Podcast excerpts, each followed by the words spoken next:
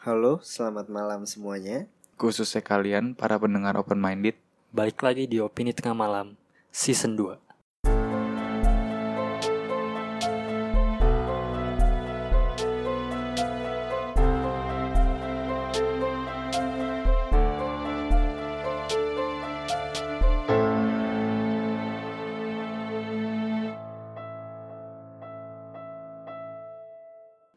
Halo semuanya, balik lagi bersama kami di Opini Tengah Malam. Nah, kali ini beda nih, gue cuma berdua sama Faris. Dan ada satu tamu sih. Sebenarnya kita udah udah pernah bareng gitu. Mungkin kenalin dulu deh. Ya, halo, Halo. semua pendengar opini tengah malam. Ada gak sih panggilan khusus? Oh, udah ada pendengar open minded. Open, oh iya, gue inget banget. pendengar open Iya, minded. iya, iya, iya. iya. Itu yang ngomong Faris kan, kalau di openingnya gak sih? Iya, itu Faris. kan? Emang udah udah gue rekam, terus gue gunain aja itu terus. Oh, oke. Halo para pendengar open minded dari podcast opini tengah malam. Iya. Ken, perkenalkan gue Novia, gue host dari podcast Podstalgia. Oke, jadi Podstalgia itu sama nih ya ngebahas film juga ya. Mm-mm. Cuma yang membedakan apa nih Nol? Kalau misalkan Podstalgia, kalau gue lihat sih bedanya dari opini tengah malam tentu tidak ada teori konspirasi. Enggak, beda dong ya. Totally film. Ah, ah, kalau di film ya opini tengah malam lebih up to date. Kalau gue kan sesuai namanya Ah, podcast Kalau terus up to date, up to nostalgia. date nostalgia Enggak lah. Tapi ya film-film lama itu sih Iya, oke. bedanya. Jadi hari ini kita mau ngebahas tentang apa namanya? Biopik. ya Best biopic movie lah versi kita masing-masing, terutama Mm-mm. Podstalgia nih. Nah, sebelum masuk mungkin gue mau nanya. Ada tiga pertanyaan. Gila nih out of nowhere ya. Asli nggak direncanain ini. Gue mau nanya sih, arti film buat Podstalgia itu apa sih? buat nostalgia buat gue? Iya, buat kalau buat gue sih sekarang buat hiburan aja sih.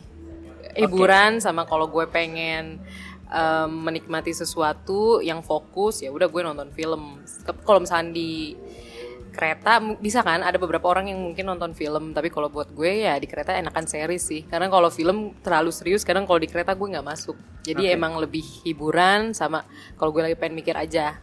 Untuk genre? untuk genre Semua. Yang gue bagus, apa enggak? eh gue nggak ada batasan sih. Tapi jujur gue tidak terlalu suka horor. Oke, nggak terlalu suka horor ya? Paling suka apa? Paling suka?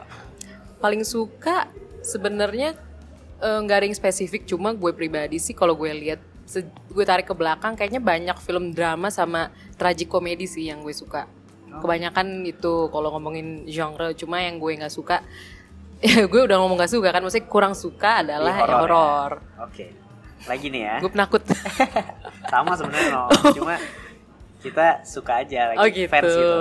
Nah, dari kapan Mm-mm. mulai lu tuh suka film gitu? Maksud gua dari kapan sih lu kayak jatuhnya hobi gak sih nih?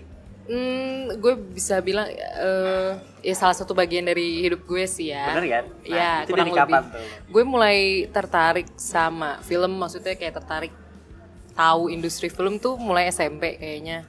SMP kelas 8 atau kelas 9. Nah, dari situ gue mulai baca-baca majalah film juga, majalah film kayak Movie Monthly M2, terus kayak gue juga sempet baca beberapa Cinemax. Ya, Cinemax. dan gue juga cukup suka total film walaupun pas itu umur gue belum legal. Karena kan 17 plus ya gue SMP kan belum umur 17 Oh, iya.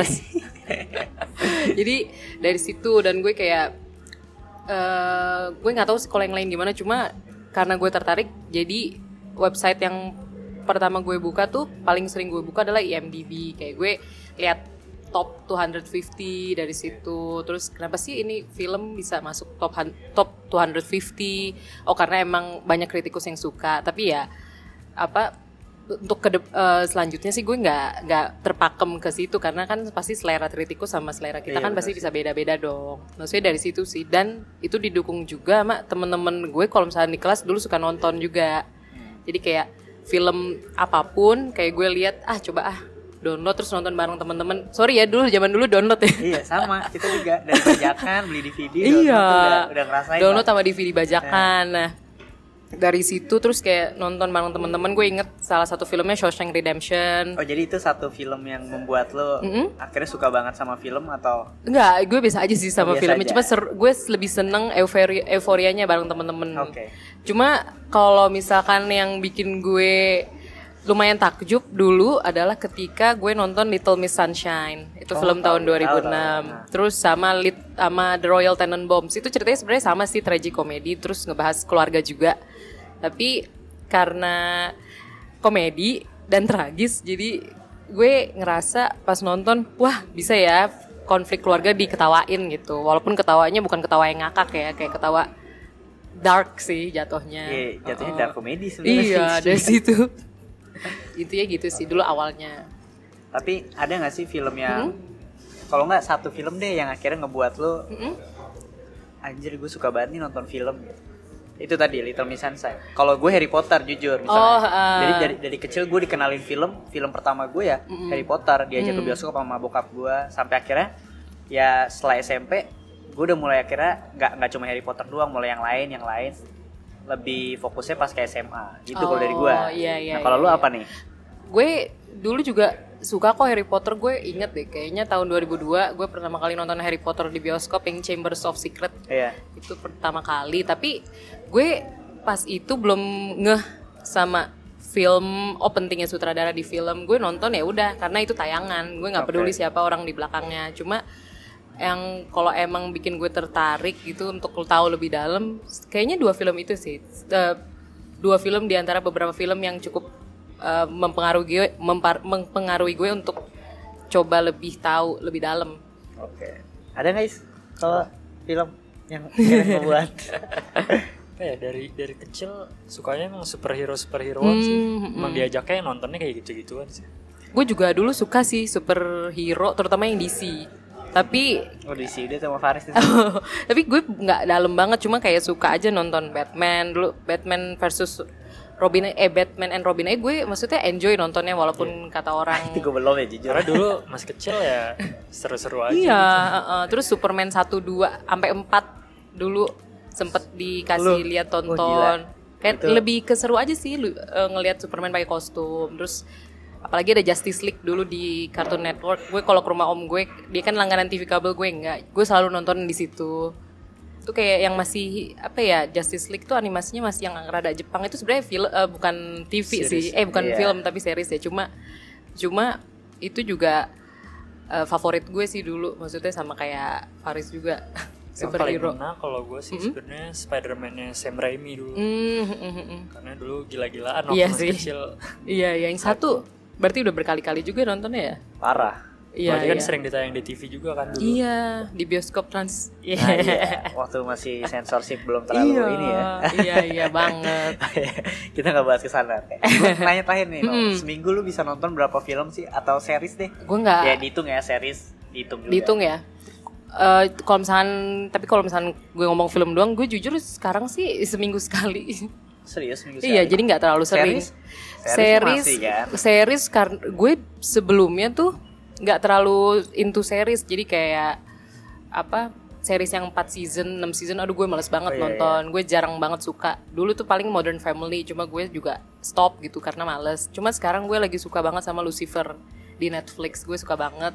Kayak sehari gue bisa nonton 4 sampai 5 episode. Mungkin ya kalau orang lain bisa satu season. Cuma buat gue 5 episode sehari tuh udah wow banget apalagi kayak gue nontonnya di hari kerja pas kerja gue nonton satu episode di kantor gue nonton satu episode pulang satu episode pas di rumah nonton lagi kan Tapi emang nagih Banyak sih ya, ya. kalau series kalau udah, Iya. udah kena banget gitu ya. Iya, itu kesel banget sih. Cuma kalau oh ya sebelum gue kena series ini bisa itu sih bisa ya dua kali lah. Gue nggak terlalu banyak sih Kalau nonton untuk film ya?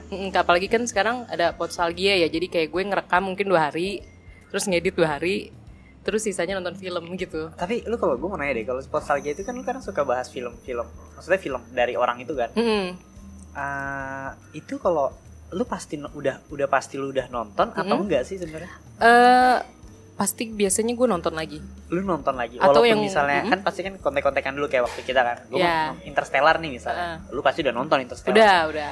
Cuma kayak misalnya film-film yang jadul banget ada beberapa gue lihat di episode lagi itu lu bener nonton Iya, gue atau beberapa- enggak Mm. lu ya udahlah biar dia aja yang ngomong lu nggak nggak nonton gitu. Oh enggak, biasanya gue pasti nonton sih. At- Walaupun lu belum nonton. Walaupun belum nonton, sebelum rekaman gue nonton. Oh, berarti berarti lu sering banget nonton film dong kalau kayak gitu. Iya sih, bisa dibilang gitu. Cuma kalau emang nggak sempet ya udah gue inget. apa berdasarkan ingatan gue pas pertama kali nonton walaupun udah mungkin lama gitu lima tahun kemarin gue baru terakhir nontonnya cuma ya kalau misalkan udah nggak sempet ya udah gue meng- mengandalkan ingatan gue terus ya gue sambil searching searching oh ya ya biar gue inget lagi itu sih tapi gue nonton lagi sih biasanya O- Oke, berarti walau yang itu lu bisa lu lu inilah lu inget-inget. Mm-mm. Kalau untuk yang belum lu misalnya nggak tahu pas dia ngasih oh film favorit gue ini terus lu nggak tahu nih judulnya. Em, gue pasti cari tahu dulu sih Cari tahu walaupun lu nggak nonton seenggaknya lu research ya. tapi gue biasanya nonton habis nonton? itu gue cari filmnya entah maksudnya di coba di streaming yang gue langganan kalau nggak ada ya terpaksa Berarti referensi Yang film ilegal. lu gila banyak banget tuh sih. enggak sih Iya karena kan itu dari dari film orang dong, bener nggak? Oh, iya. Yang dia suka dan mau nggak mau lu harus ikut nonton kan. Mm-mm. tapi paling yang iya sih bener-bener kayak gitu Iya, Kayak gitu. lumayan kan maksudnya nambah, Nambah, rekomendasi buat iya. gue juga Cuma capek gitu loh. Maksud gue lu udah menyisihkan waktu. Lu sebenarnya ya dua jam lah untuk nonton film itu gitu. iya sih Apalagi kalau misalnya filmnya dikasih contohnya Green Miles Mm-mm. yang tiga jam. Oh. Wasting banget ya. Iya sih, nah kalau kayak gitu ya berarti gue harus siap-siap sih sebelumnya entah ya udah gue harus sediakan posisi nonton paling nyaman gitu. iya, iya sih. Kalau di kasur ya gue bisa ketiduran sih. Iya parah. Mau filmnya seseru apa pun, parah parah. Oke, kita masuk aja ini ya. Jadi Hmm. kita hari ini mau ngebahas tentang biopic movie. Mm. Nah, dari banyaknya biopic, dari Bohemian lah, First Man. Nah, gue pengen nanya nih favorit dari Podstalgia, Mm-mm. Paris, sama dari gue sendiri tuh. Kalau dari lu tuh apa sih? Berarti gue dulu ya. Iya, dari lu dulu ya. Oh sebenarnya gue setelah gue melis eh, film-film biopik yang gue pernah tonton, sebenarnya lumayan banyak yang jadi favorit gue. ya. Ada lah lima gitu ya udah, favorit oke. gue. Apa Cuma aja tuh? eh, The Social Network gue suka banget, tapi sama ya kayak Faris ya. sama, sama kayak Paris. Jadi eh, gue pilih yang lain terus gue juga suka sih The Blind Side. Ah, gue belum tuh. The Blind Side itu menurut gue seru dan em, film keluarga sih jatuhnya. Tentang Dan- apa no? Film The Blind Side itu tentang eh, namanya Mike Ower. Michael Ower itu dia eh, pemuda. Gue nggak apa-apa ya nyebut eh, kulit atau enggaknya Ih, karena ini jadi jadi penggerak cerita juga. Ah. Dia pemuda kulit hitam yang tinggal di daerah yang cukup eh, banyak tingkat kriminalitasnya. Terus ibunya juga bisa dikatakan udah nggak mengurusi dia lagi. Habis itu dia di diadopsi sama se- seseorang dia perempuan kulit putih yang dibintangi oleh si Sandra Bullock. Ya udah Oh. di situ mereka kan udah jadi keluarga kan. Nah mereka itu saling saling apa namanya menu, eh, kelihatan lah hubungan keluarganya yang terbentuk di film itu. Terus ternyata Michael Ower itu juga jago jadi pemain rugby walaupun sebelumnya kelihatannya dia tidak berguna kan tidak diurus dan sebagainya macamnya. Terus juga di situ diliatin walaupun beda gitu entah beda agama beda preferensi politik beda kulit gitu kan beda ras tapi ya namanya kebaikan pasti adalah hal yang terbaik Cek. Itu tahun berapa tuh no? itu tahun 2009 2009. Mm. Oke. itu terus ada juga yang gue suka tuh The Pianist Oh itu gue udah masuk list gue banget tapi gue belum belum sempat banget nonton. itu menurut gue Hah? harus banget sih ditonton Itu Hah? tentang ini gak sih? Nazi bukan sih? iya dia kan? Mm-mm. Maksudnya deh masih latar latar di- uh, waktunya tuh di di sekitar tahun waktu Jerman itu gak sih? Iya, itu benar karena emang ceritanya tentang pianis eh, yang diperankan oleh Adam Brody dan itu ceritanya ya udah cerita dia sendiri kabur dari okupasi Nazi yang udah mulai nyerang lingkungan rumahnya. Nah, dia Oke. kabur bertahan hidup. Gue inget banget adegan dia makan kayak sejenis sup krim sup krim apa instan terus kayak dia rebus dari wadah gitu gue inget banget terus dia makannya lahap banget itu bener-bener segitunya lah filmnya dia bertahan hidup Fix sih. Kayaknya gue udah udah itu udah udah gue download malah gue download malah di torrent ya. Iya iya iya iya iya. Netflix ada Hah? di Netflix Iya, Oh, di Netflix ada? ada. Gue belum ngecek sih kalau di Netflix. Ada ada. Terus apalagi ya itu tadi kan udah tiga ya. Nah. Tiga eh, satu lagi yang gue inget tuh Argo. Oh, Ben Ben Affleck. Iya, Oh, Ben iya. Affleck. Ah, itu bagus banget. Gue di Iya. Paris tuh gitu banget. Di kelas berapa sih? si bajakan Kan itu 2011 ya, sekolah ya. Zaman Iya. SMP Iya, SMA ya. Iya, iya benar benar. SMA kalau gue sih. Ih, 2012 kan? Ya 2000 ya 2012. Iya, SMA sama. Mm. Juga. itu itu menurut gue seru banget apalagi latarnya di Iran. Gue senang aja sih kalau latarnya di Iran. Dan itu kan filmnya juga tentang apa? Dia berusaha untuk itu kan tidak diserang oleh orang-orang. gitu kan. Iya, dan itu kan latarnya kan pas revolusi Islam ya di Iran. Nah, gue juga cukup tertarik sama isu itu. Jadi makanya gue suka banget. Eh, itu dia menang Oscar nggak sih? Iya, iya. Salah. Tapi jadi apa ya? Kategori apa ya? Best Saat itu ya? Best Picture deh, seinget gue ya. Gue nggak tahu deh kalau untuk Seinget Apa- gue dapet sih. script. apa screenwriter. Hmm. Oh itu bagus. Gue akuin itu bagus. itu seru banget. Rada ya konfliknya sebenarnya karena itu biopik jadi kerasa banget. Gue baru tahu kayak sampai segitunya menegakkannya. Gitu. Iya, Nah, itu. apalagi itu beneran terjadi kan? Iya makanya itu dia. Itu luar biasa sih menurut gue eh, Argo. Nah, tapi yang gue apa simpen di urutan 5 maksudnya yang pengen gue kasih tahu itu Persepolis. Jadi itu film film yang dibuat sama eh, berdasarkan komik. Jadi komiknya itu satu one shot ditulis sama Marjan Satrapi. Nah, Marjan Satrapi ini eh, orang Iran, cuma sekarang dia udah jadi keluarga negara Prancis. Dia cerita tentang Iran pas masa revolusi Islam. Nah, ya kan mirip ya sama Argo ya. Tahun berapa itu Nov? Filmnya? Itu kalau filmnya sih tahun 2007, cuma ini latarnya itu tahun 60 sampai 70. Jadi jadi ngebahas Iran sebelum revolusi sampai Iran pasca revolusi. Oke. Uh, gue suka di situ karena gue bisa relate ya karena mirip-mirip sih menurut gue Indonesia sama Iran. Indonesia sekarang sama Iran yang pas itu karena karena gue ngelihat ini agak politis dikit ya, Eh, sorry ya karena emang nggak emang apa-apa. filmnya agak politik juga. Jadi kayak di sini udah mulai apa ya lebih agamis orang-orangnya. Tapi kayak agamisnya itu udah masuk ke kehidupan sehari-hari juga. Jadinya kayak mengontrol orang lain yang Oke. sebenarnya nggak terlalu agamis. Nah itu kejadian di komik itu dan di film itu. Maksudnya filmnya emang adaptasikan dan yang gue suka adalah kan komiknya itu punya ciri khas gambar. Nah ada animasinya bener-bener itu kayak komik yang digerakin. Jadi animasinya itu sama grafis yang ada di animasi sama di komik itu sama. Itu menurut gue mantep banget sih. Castnya Nov? Castnya itu gue nontonnya yang versi Prancis. Jadi uh, oh, ada aktor-aktor sana. Mm-mm.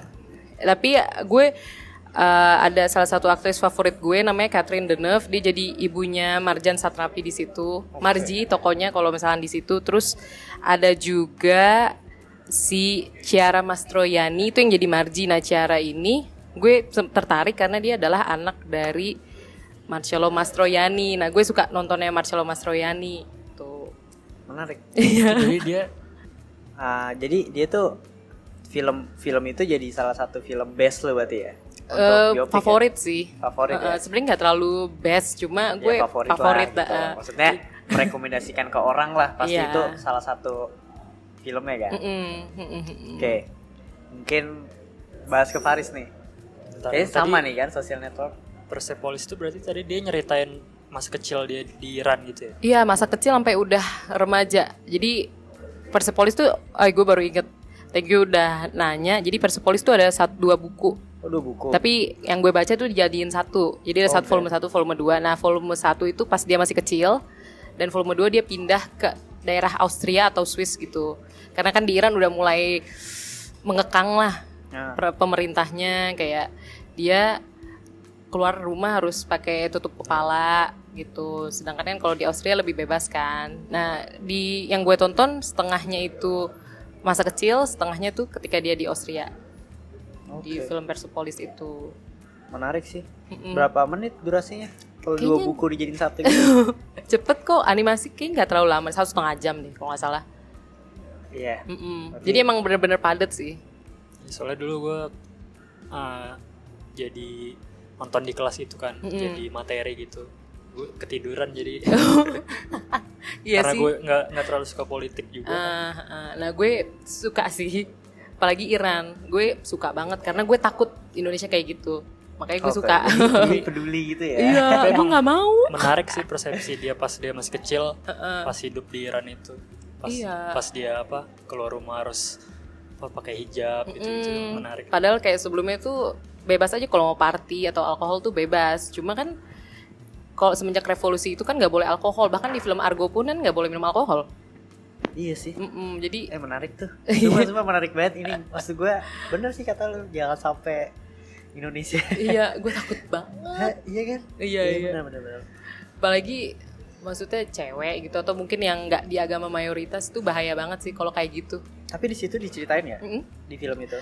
secara nggak langsung diceritain karena Tapi yang di situ tuh dia dari persepsinya orang itu persepsi si Marji itu Ah. tapi kayak dia kan pas dia masih itu berbeda dengan yang mana nih dengan mayoritasnya. oh ya karena kebanyakan mayoritasnya tuh ya udah ngikut aja Oke. Uh, uh, sedangkan dia kayak ngerasa enggak nggak bisa gini karena orang tuanya juga mungkin yang nggak pro pemerintah ya karena gue inget ada satu adegan atau di komik ya pokoknya lagi party terus ada polisi datang ngegerbek dia ngebuang alkoholnya ke kloset Menarik. saking segitunya Menarik, alkohol menarik. padahal maksudnya bukan apa dis narkoba gitu kan Iya iya iya. Iya iya sampai benar. segitunya Nah, gue Ya. takut jangan sampai Jangan sampai lah. karena gue udah melihat tanda-tanda nih bahaya Udah mulai ya? iya gawat lah Enggak, enggak tenang aja. jangan lah ya Selagi selagi itulah. Oke, kita balik lagi nih ya. Mm-mm. Tadi kita mau ngebahas apa tadi? Filmnya Faris? Social oh. Social Network. Social Network. Nah, kan sama nih lu berdua. Mm-mm. Kenapa sih? Apa sih yang spesial dari itu? Gue juga udah nonton itu Oh, bagus. iya. Itu bagus. Paris dulu dong. keren aja sih maksudnya uh, filmnya menurut gue dipandang sebelah mata juga sih Hmm. karena yang apa ngedirect David Fincher juga kan orang-orang pasti persepsinya kayak ah dia mau bagusnya cuma di uh, misteri atau Hmm, detektif detektifan gitu kan tapi ternyata pas keluar uh, bagus banget salah satu film terbaik di era-era sekarang ini kan biopik yang terbaik. Dan juga uh, si Mark Zuckerberg itu ternyata menarik banget karakternya. Karena gue kira kan uh, cuma tahu dia pendiri Facebook gitu doang kan. Paling apa sih kisahnya cuma anak jenius bikin ini terus udahlah naik naik naik terus. Ternyata enggak ternyata di situ ada kayak dia ada betrayal sama temennya Iya, si iya. Wardo terus mereka berantem berantem gitu. Dia ketemu teman baru si Wardo ditinggalin. Ternyata se, se complicated itu hubungan mereka. Iya sih. Itu bener sih gue juga suka karena karena walaupun kelihatannya cuma bikin Facebook gitu ya, terus kayak dia pinter di film itu ya diliatin dia nge apa ngianatin temennya lah terus dia ternyata dia juga ngianatin, ngianatin bisnis partnernya tuh yang Winklevoss apa twin Iya. itu yang jago dayung itu kan dia mengkhianati sebenarnya banyak pihak kan di situ tapi ujung-ujung sebenarnya dia kan eh, kosong terus nyari cewek kan maksudnya nyari ex-nya gitu Ah. kayak dia mungkin kalau gue lihat sih intinya dia ya sebenarnya asshole sih Iya. oh, gak apa yang gue ngomong asshole ya Iya maksudnya nggak apa-apa. Parah lah orang itulah cuma ya karena dia juga sebenarnya pengen tetap sama si Erika Erika itu kan pacarnya ya jadi kayak gue masih lihat ya dia sebenarnya juga butuh kasih sayang sih sebenarnya kurang kasih sayang juga mungkin di situ Ya cuma gue, ya bener sih gue, gue lebih kayak kasihan gitu loh sama karakter. Siapa sih temennya yang diperan Andrew Garfield itu? Eduardo iya Eduardo Maksud gue Saverin gila banget dia. Maksud gue Eduardonya tuh mengorbankan banyak banget untuk si ininya. Itu Sampai terus pas dia diputusin kan? Iya, parah parah parah.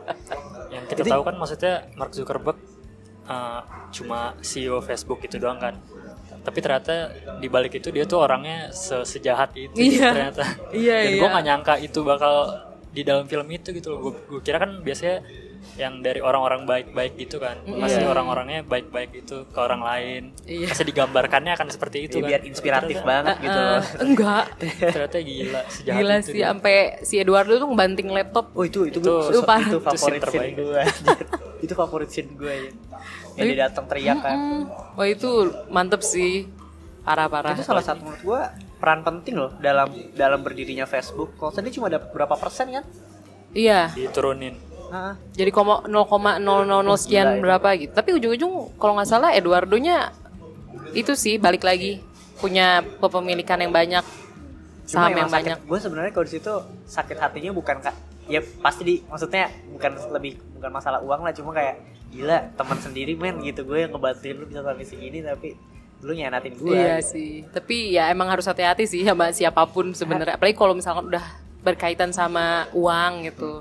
Atau power lah ya itu kan jatuhnya dia udah Iya, CEO kan Nah, jadi ya begitulah memang hidup ya gue sempet kesel sama perannya yang diperanin sama Justin Timberlake gitu loh. Hmm, yang- Gara-gara dia nih, gue Iya, sampai iya, kayak gitu iya, kan. iya, iya. yang punya Napster ya ceritanya ya Iya. Mm-mm.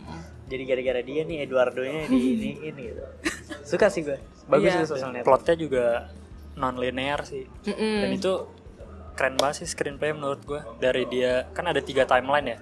Dari yang zaman dulunya, terus pas lagi bahas case sama Wardo sama si Winklevoss. iya benar Nah yang pas scene si Wardo banting itu kan dia kayak pindah-pindah ke dua timeline itu kan. Yang pas dia jelasin apa ditanya berapa saham saham turunnya si Sean Parker.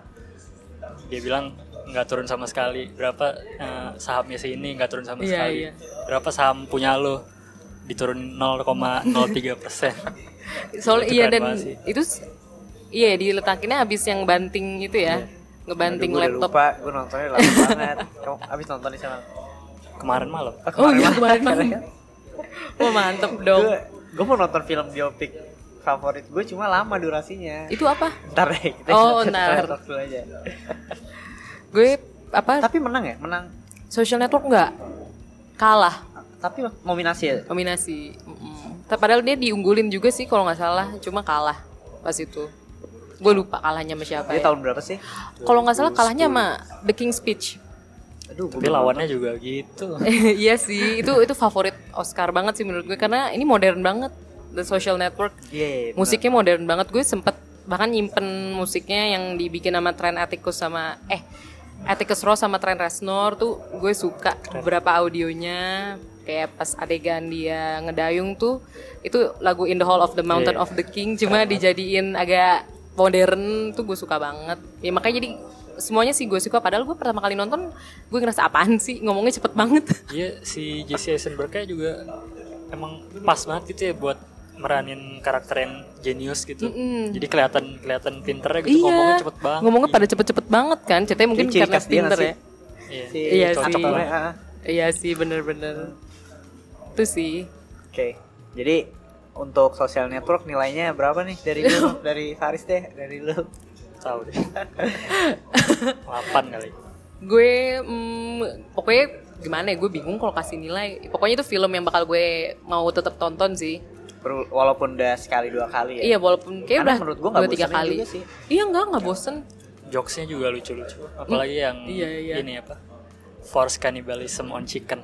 Oh Kalau gue ingetnya pas Apa Sean Parker ya Yang Justin Timberlake dia kan abis tidur sama cewek terus ceweknya tuh mereka ngobrol-ngobrol iya gue yang nemuin Napster gitu "Ah, masa sih eh masa sih lo yang nemuin Napster iya Sean Parker gitu ternyata dia gitu ceweknya agak takjub gue sih ya maksudnya jokes-jokes yang tersembunyi Iya, iya, sih iya. Gue udah lupa banget sih. Endingnya juga perfect sih menurut gue.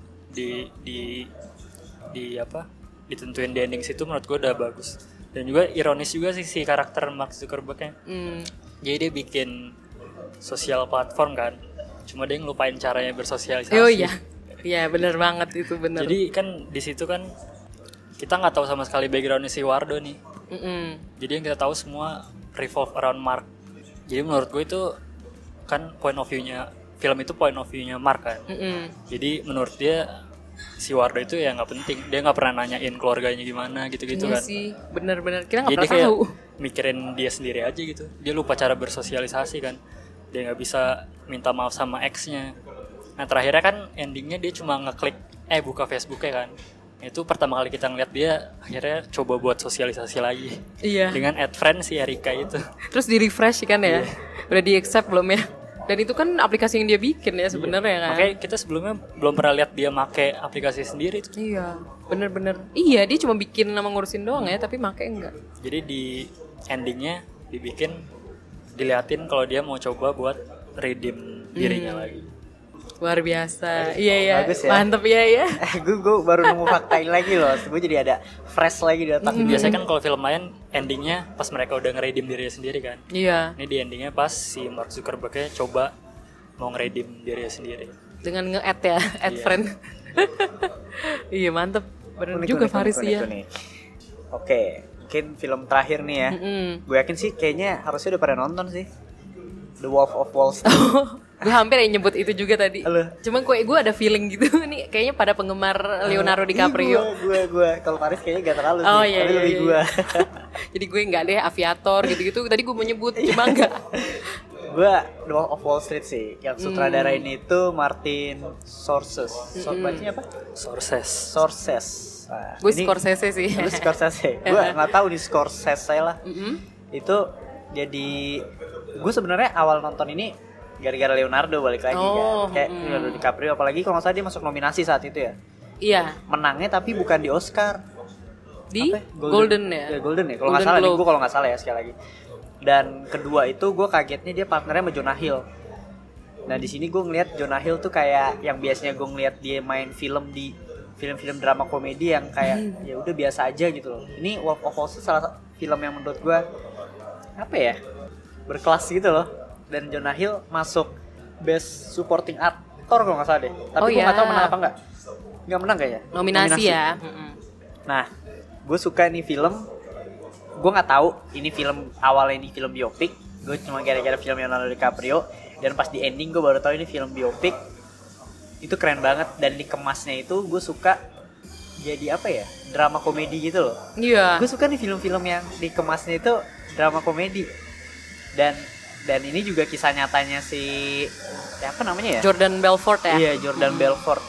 Kayak yang gue suka nih favorit gue tuh yang ini. Ada pulpen dikasih pulpen. Mm-mm. Lu suruh jual pulpen ini ke orang yang nggak mau beli pulpen. Gimana caranya gitu loh. itu keren banget. Iya, Dan iya. Leonardo-nya di sini perfect lah menurut gue. Tiga jam itu gue sih enjoy banget ya. Walaupun ini jadi film yang Itu tiga jam ya? Tiga jam. Gue ngerasa cepet sih. Seru Karena- berarti ya. Seru banget. Iya iya. kayak jadi dia tuh nggak cuma jadi apa ya orang yang sukses tapi dia terlibat kasus narkoba Hmm. cewek dan lain-lain Harta tahta wanita ya. iya lu lu udah nonton nggak sih Udah, udah, ya? udah. gimana Gue- kalau menurut lu Gue juga ya? suka Iya, sih. oke. Gue suka banget karena bener kata lo maksudnya ini kan sebenarnya cukup tragis ya kayak dia jatuh miskin lah Iya, iya. ditinggal istri gitu kan. Ada anak juga kan ditinggal terus dia narkoba juga. Dan di- mau ditangkap polisi tapi karena ini apa banyak unsur komedinya juga gitu dibawain yang nggak yang kelam jadi gue juga suka sih. Jadi enjoy aja justru kayak wah udah kena nih anak ini orang Parah. nih tapi kita nggak maksudnya nggak bikin sedih gitu loh kayak pengen tahu nanti selanjutnya apa. Oh sama ini. Maksud gue suka tuh kalau film-film biopik yang di dikemas komedi salah satunya kemarin gue belum lama nonton The Big Sick tau gak lo apa The Big Sick The Big Sick. Oh, The Big Sick yang Kumal ya. Iya. Gue belum nonton tapi. itu bagus banget itu udah nonton guys belum parah Gua- maksud gue tadinya gue mau mau mau ngambil itu cuma gara Hmm. ya kayaknya of Wall Street lah ini sedikit Hmm. info aja sama The Big Sick itu ceritanya ah, siapa namanya aktornya Ah, Kumail. Iya, Kumail Kumail itu- Nanjani. itu tragis banget nyeritain tentang gini loh dia itu kan orang Pakistan. Orang Pakistan yang yang ya tau lah maksudnya harus ah, agamanya itu kan kuat Mm-mm. ya kan? Harus sholat lima waktu. Tapi dia tinggal di Amerika. Dia harus dia harus nikah sama orang Pakistan juga. Mm-mm. tapi karena dia udah kena budaya Amerika dan itu kan jadi stand up. Itu merubah dia tuh jadi nggak dia bingung gitu loh mau menentukan pilihan hidupnya dia atau keluarganya dia Hmm. kayak misalnya dia tuh udah udah rada nggak udah nggak rada nggak kenal sama Tuhan gitu loh. Kayak jadi dia kalau disuruh suruh sholat dia main game pasang pasang timer 5 menit. Terus kayak dia harus nikah sama orang Pakistan tapi dia nggak mau. Akhirnya dia nih ini ini yang, suka, yang gue suka banget. Dia suka sama cewek kulit putih. Pilihannya dua. Kalau dia tetap sama cewek kulit putih ini dia ditinggal sama keluarganya. Dihapus lah dari akte. Oh gitu. tapi dia nggak mau. Dia dia berat aja. Kalau sama keluarga dia harus jadi dokter tapi dia pengen jadi stand up Wah, itu keren banget itu keren Iya, banget iya, tragis iya, banget iya, tragis iya. banget Kayaknya itu ya emang stereotip Pakistan sama India kan Iya. mirip-mirip ya. Kalau nggak jadi dokter, pokoknya jadi itulah jadi ahli di bidang sains gitu kan. Ini dokter ya ceritanya. ya? iya dokter tapi maksud gue gimana ya itu relate juga sebenarnya sama kehidupan kita sehari-hari gitu loh Iya Kayak, sih. benar menurut gue kayak ya misalnya contoh aja kayak gak usah jauh-jauh deh kayak misalnya orang tua misalnya kita dari suku A kalau bisa cari yang suku A dong jangan suku B Mhm, karena mhm. bertentangan banget nih sama suku walaupun beda suku doang loh Iya iya ya iya kan? iya. iya. dan dia dia tuh merasakan hal itu gitu dan itu keren sih itu gue suka banget Karena mungkin ya banyak meaningnya deep meaning tuh menurut gue sih ya sih itu kebayang sih dari cerita lo karena kan maksudnya ngomongin soal apa kultur di keluarganya kan. Ah. Maksudnya pasti kontras banget kultur Pakistan yang menurut gue malah lebih konservatif daripada Indonesia. Karena karena kalau orang Indonesia kan maksudnya kalau sama bule ih sama bule gitu kan kayak lebih happy kan. Cuman kalau Pakistan nggak bisa sama bule karena beda agama mungkin lebih kayak gitu kan. parah Heeh. Tapi berarti di situ dia itu dong maksudnya sambil pacaran sambil ada konflik sama keluarga ya. iya Gimana gue gak ya tapi kalau biopik sebenarnya gue takut spoiler apa enggak ya maksud gue intinya Iya, iya, iya. intinya itu gimana ya Eh, perang batinnya dia sih. Hmm. perang batinnya dia. Dia sebenarnya sayang sama keluarganya. Tapi dia pengen lanjutin karirnya. Hmm, ya pokoknya gue kasih tahu aja deh pokoknya ada satu scenes yang gue suka banget. Dia kan kayak ya akhirnya lu juga udah tahu dia tuh jadi stand up komedian Iya. berarti dia nggak jadi dokter dong. Dia menentang kan intinya gitu kan. Iya iya. gue suka banget part itu. Keluarganya itu udah ngediemin dia nggak mau ngomong. Ibunya udah nggak nganggep dia sebagai anak. Dia masuk ke rumah udah nggak dikasih makan. Terus dia keluar gini dia ngomong gini kalau nggak salah ya, ini kalau gue nggak salah gue akan ngejar mimpi gue tapi gue nggak bakal ngelupain keluarga ini gitu Oh. terus dia keluar terus pas dia jadi stand up ya pokoknya intinya dia nikah tapi orang tuanya setuju akhirnya Sama itu tapi bukan sesama Pakistan ya. iya bukan sama Pakistan Oh. sama bule lalu udah dijodohin mulu ya udah tahu yang main dia itu kocak banget Iya, dia kocak iya, parah iya. dibungkusnya tuh komedi banget Oh, oke. Tapi kayaknya itu ya.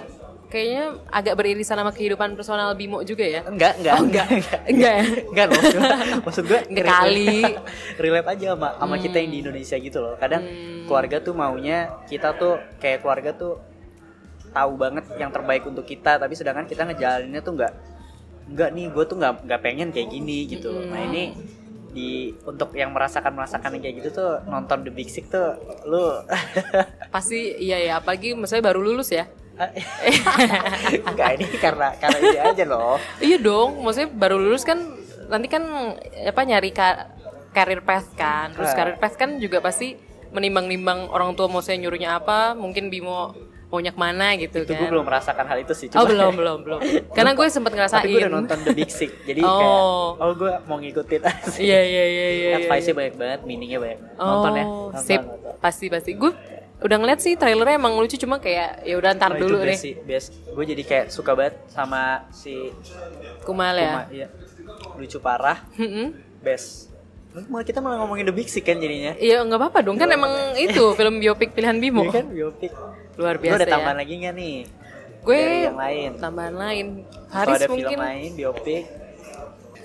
Itu sih kalau dari gue Wolf of Wall Street sama The Big Sick sih. Hmm, hmm, hmm, hmm. Tapi ya kalau untuk untuk apa ya?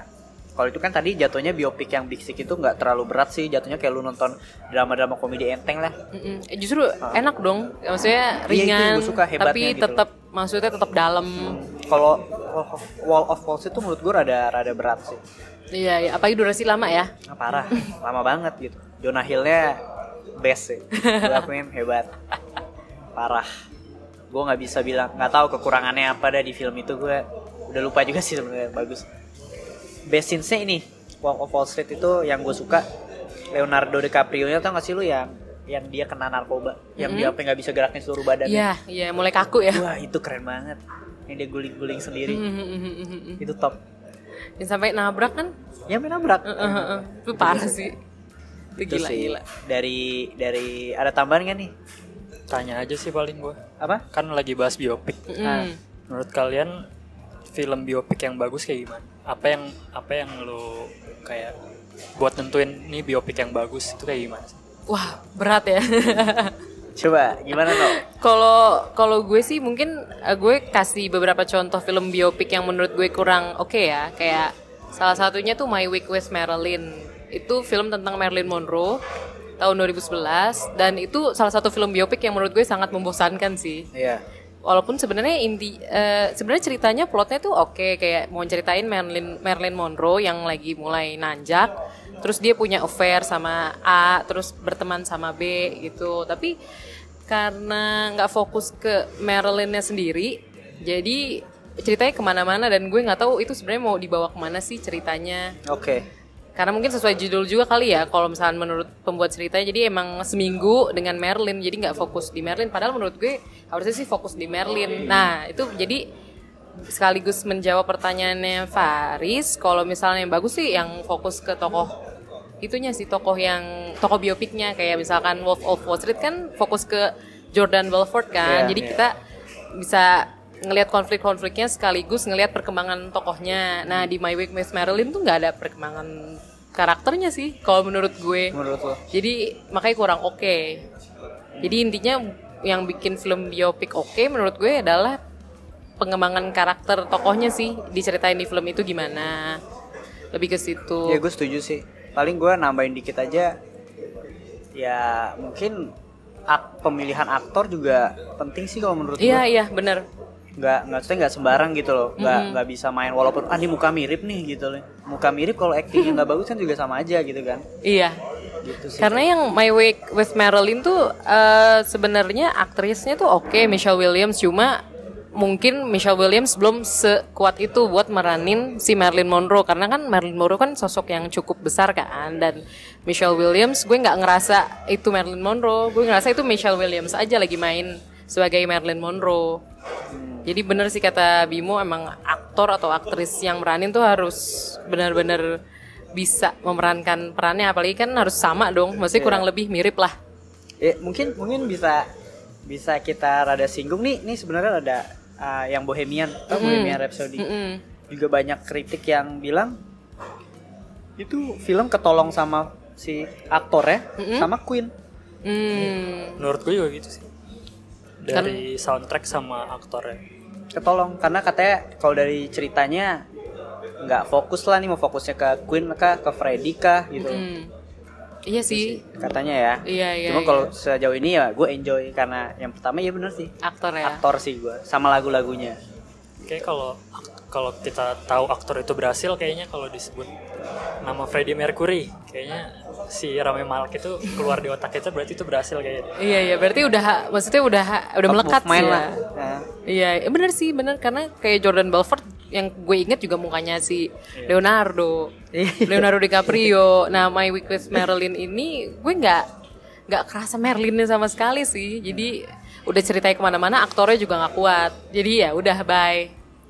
Mungkin tambahan sedikit sih. Mungkin tadi udah udah udah inilah udah dikasih tahu juga kalau menurut dari persepsi kita biopik yang bagus tuh kayak gimana. Mm-mm. Tambahan sedikit mungkin plusnya ya. Plusnya itu ya kayak tadi The Big Sick sama Wolf of Wall Street yang film film yang biopik yang menurut gue rada cukup apa ya tragis gitu loh di ending ceritanya tragis tapi dikemas dengan komedi jadi hal yang beda gitu loh itu Iya, menurut gue iya. jadi satu kelebihan atau plus gitu loh dari udah berhasil tambah berhasil lagi sih kalau menurut gue itu ya dikemas dengan cara yang beda lah Apalagi Big Sick yang nulis kan dia sendiri kan. iya Yang main dia sendiri juga gitu. kalau ada tambahannya Is, gimana is biopik yang Kalau dari gua paling ini sih coba tetap apa sih grounded to reality jadi kayak kayak kayak kayak ngelihat kehidupan nyata gitu loh. Hmm. Jadi mungkin uh, penulisannya harus benar-benar bagus, terutama dialog antar karakter. Dari Bohemian Rhapsody jadi yang gua nggak suka dialognya kadang-kadang suka nggak realistis gitu loh. Oh, Jadi kadang-kadang di dunia nyata nggak mungkin gua orang ngomong mungkin gitu ngomong kayak gitu Iya, demi iya, iya. demi buat nyampein sebuah joke gitu loh. Iya Gitu sih. sih. Kayak apalagi kan mereka keli- kelihatannya deket kan, maksudnya sering ngumpul gitu loh. Maksudnya kalau jok keluar kayak gitu kayaknya agak agak Nggak- nggak, kayaknya iya. out of place ya. Jadi pas abis nonton jadi gue nanyanya Mhm. Gila itu beneran kayak gitu. Jadi bukan bukan ah itu mah nggak mungkin kayak gitu. Iya Jadi iya gitu iya. sih. Kurang ya bener realistis sih. juga sebenarnya ya. sebenarnya nggak masalah film biopik itu dikasih dikasih apa sih pembeda lah nggak mesti percis cuma kalau emang udah out keluar dari line-nya itu juga jadi masalah sebenarnya Iya iya. Karena Mungkin kita- makanya itu kita tahu juga. kan apa itu pasti di dilebih-lebihin cuma tetap bikin kita apa bertanya-tanya lah gitu. Iya itu bener iya. atau iya. enggak. Tapi untung itu ya Rami Maleknya oke banget ya Ah, parah di itu, situ. itu parah banget itu kalau ya bener sih kalau nggak ketolong Rami Malek gue nonton dua dua atau tiga kali Mm. itu karena gue pengen lihat Rami Maleknya Oh. Berarti bukan ceritanya atau Iya. ama dengerin lagu ya? dengerin lagu Iya ya, iya iya. gitu iya. Mungkin karena faktor sutradaranya yang dicabut juga kali ya. Oh iya, sempet dicabut terus dilanjutin ya. Jadi setengah mateng gitu ya. Mungkin Jadi sih. editingnya agak-agak aneh gitu. Iya, ya editingnya tuh kayak apa? Cepet banget Iya cutnya. dan banyak yang nggak penting. Mm-mm. Oh, iya sih. kayak video klip ya tuh ya. Tapi tetap sih, Bohemian tetap jadi salah satu film biopik yang oke sih. Maksud maksud gue ya, lu kalau lu suka Queen apalagi lu pengen nyanyi bareng dengan lagu-lagunya tuh lu nonton. Asik ya. Asik Iya, banget ya. Asik parah. Iya gitu, masih sih. ada pertanyaan tambahan nih? Udah kayaknya. Udah. Oke, segitu aja sih dari opini tengah malam dan podstalgia pada episode kali ini. Segera tayang minggu depan nasi. Wis. Minggu depan karena ketahuan banget nggak ada konten gitu. Eh enggak lah, justru bagus dong tepat waktu ya nggak kayak gue. Jadi segitu aja dari opini tengah malam. Mungkin uh, podstalgia mau bilang sesuatu kah? Mengucapkan sesuatu sekalian kasih tau lah podstalgia Eh. podcast ya. gue mau terima kasih dulu untuk Faris dan Bimo yang udah mengajak gue Aduh, Atas harusnya nama gua nih yang Postalgia makasih. lu. Udah lama banget kita udah janjian tapi baru sampai sekarang. Iya dari April ya, terus sekarang ketemunya lagi September, udah berbulan-bulan Iya, berlalu.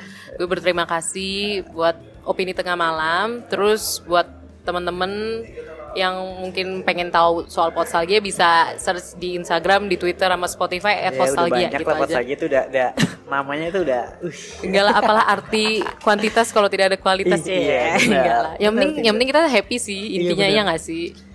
Bikin apa pun yang penting jelas happy. lah clear udah oke lah. Mm-mm, pengen sih ya yang dengerin juga banyak cuma yang penting happy dulu kitanya lah Iya. ya. Gitu. Oke, segitu aja dari opini tengah malam dan Postalgia. Sampai jumpa di episode berikutnya. Bye. Bye.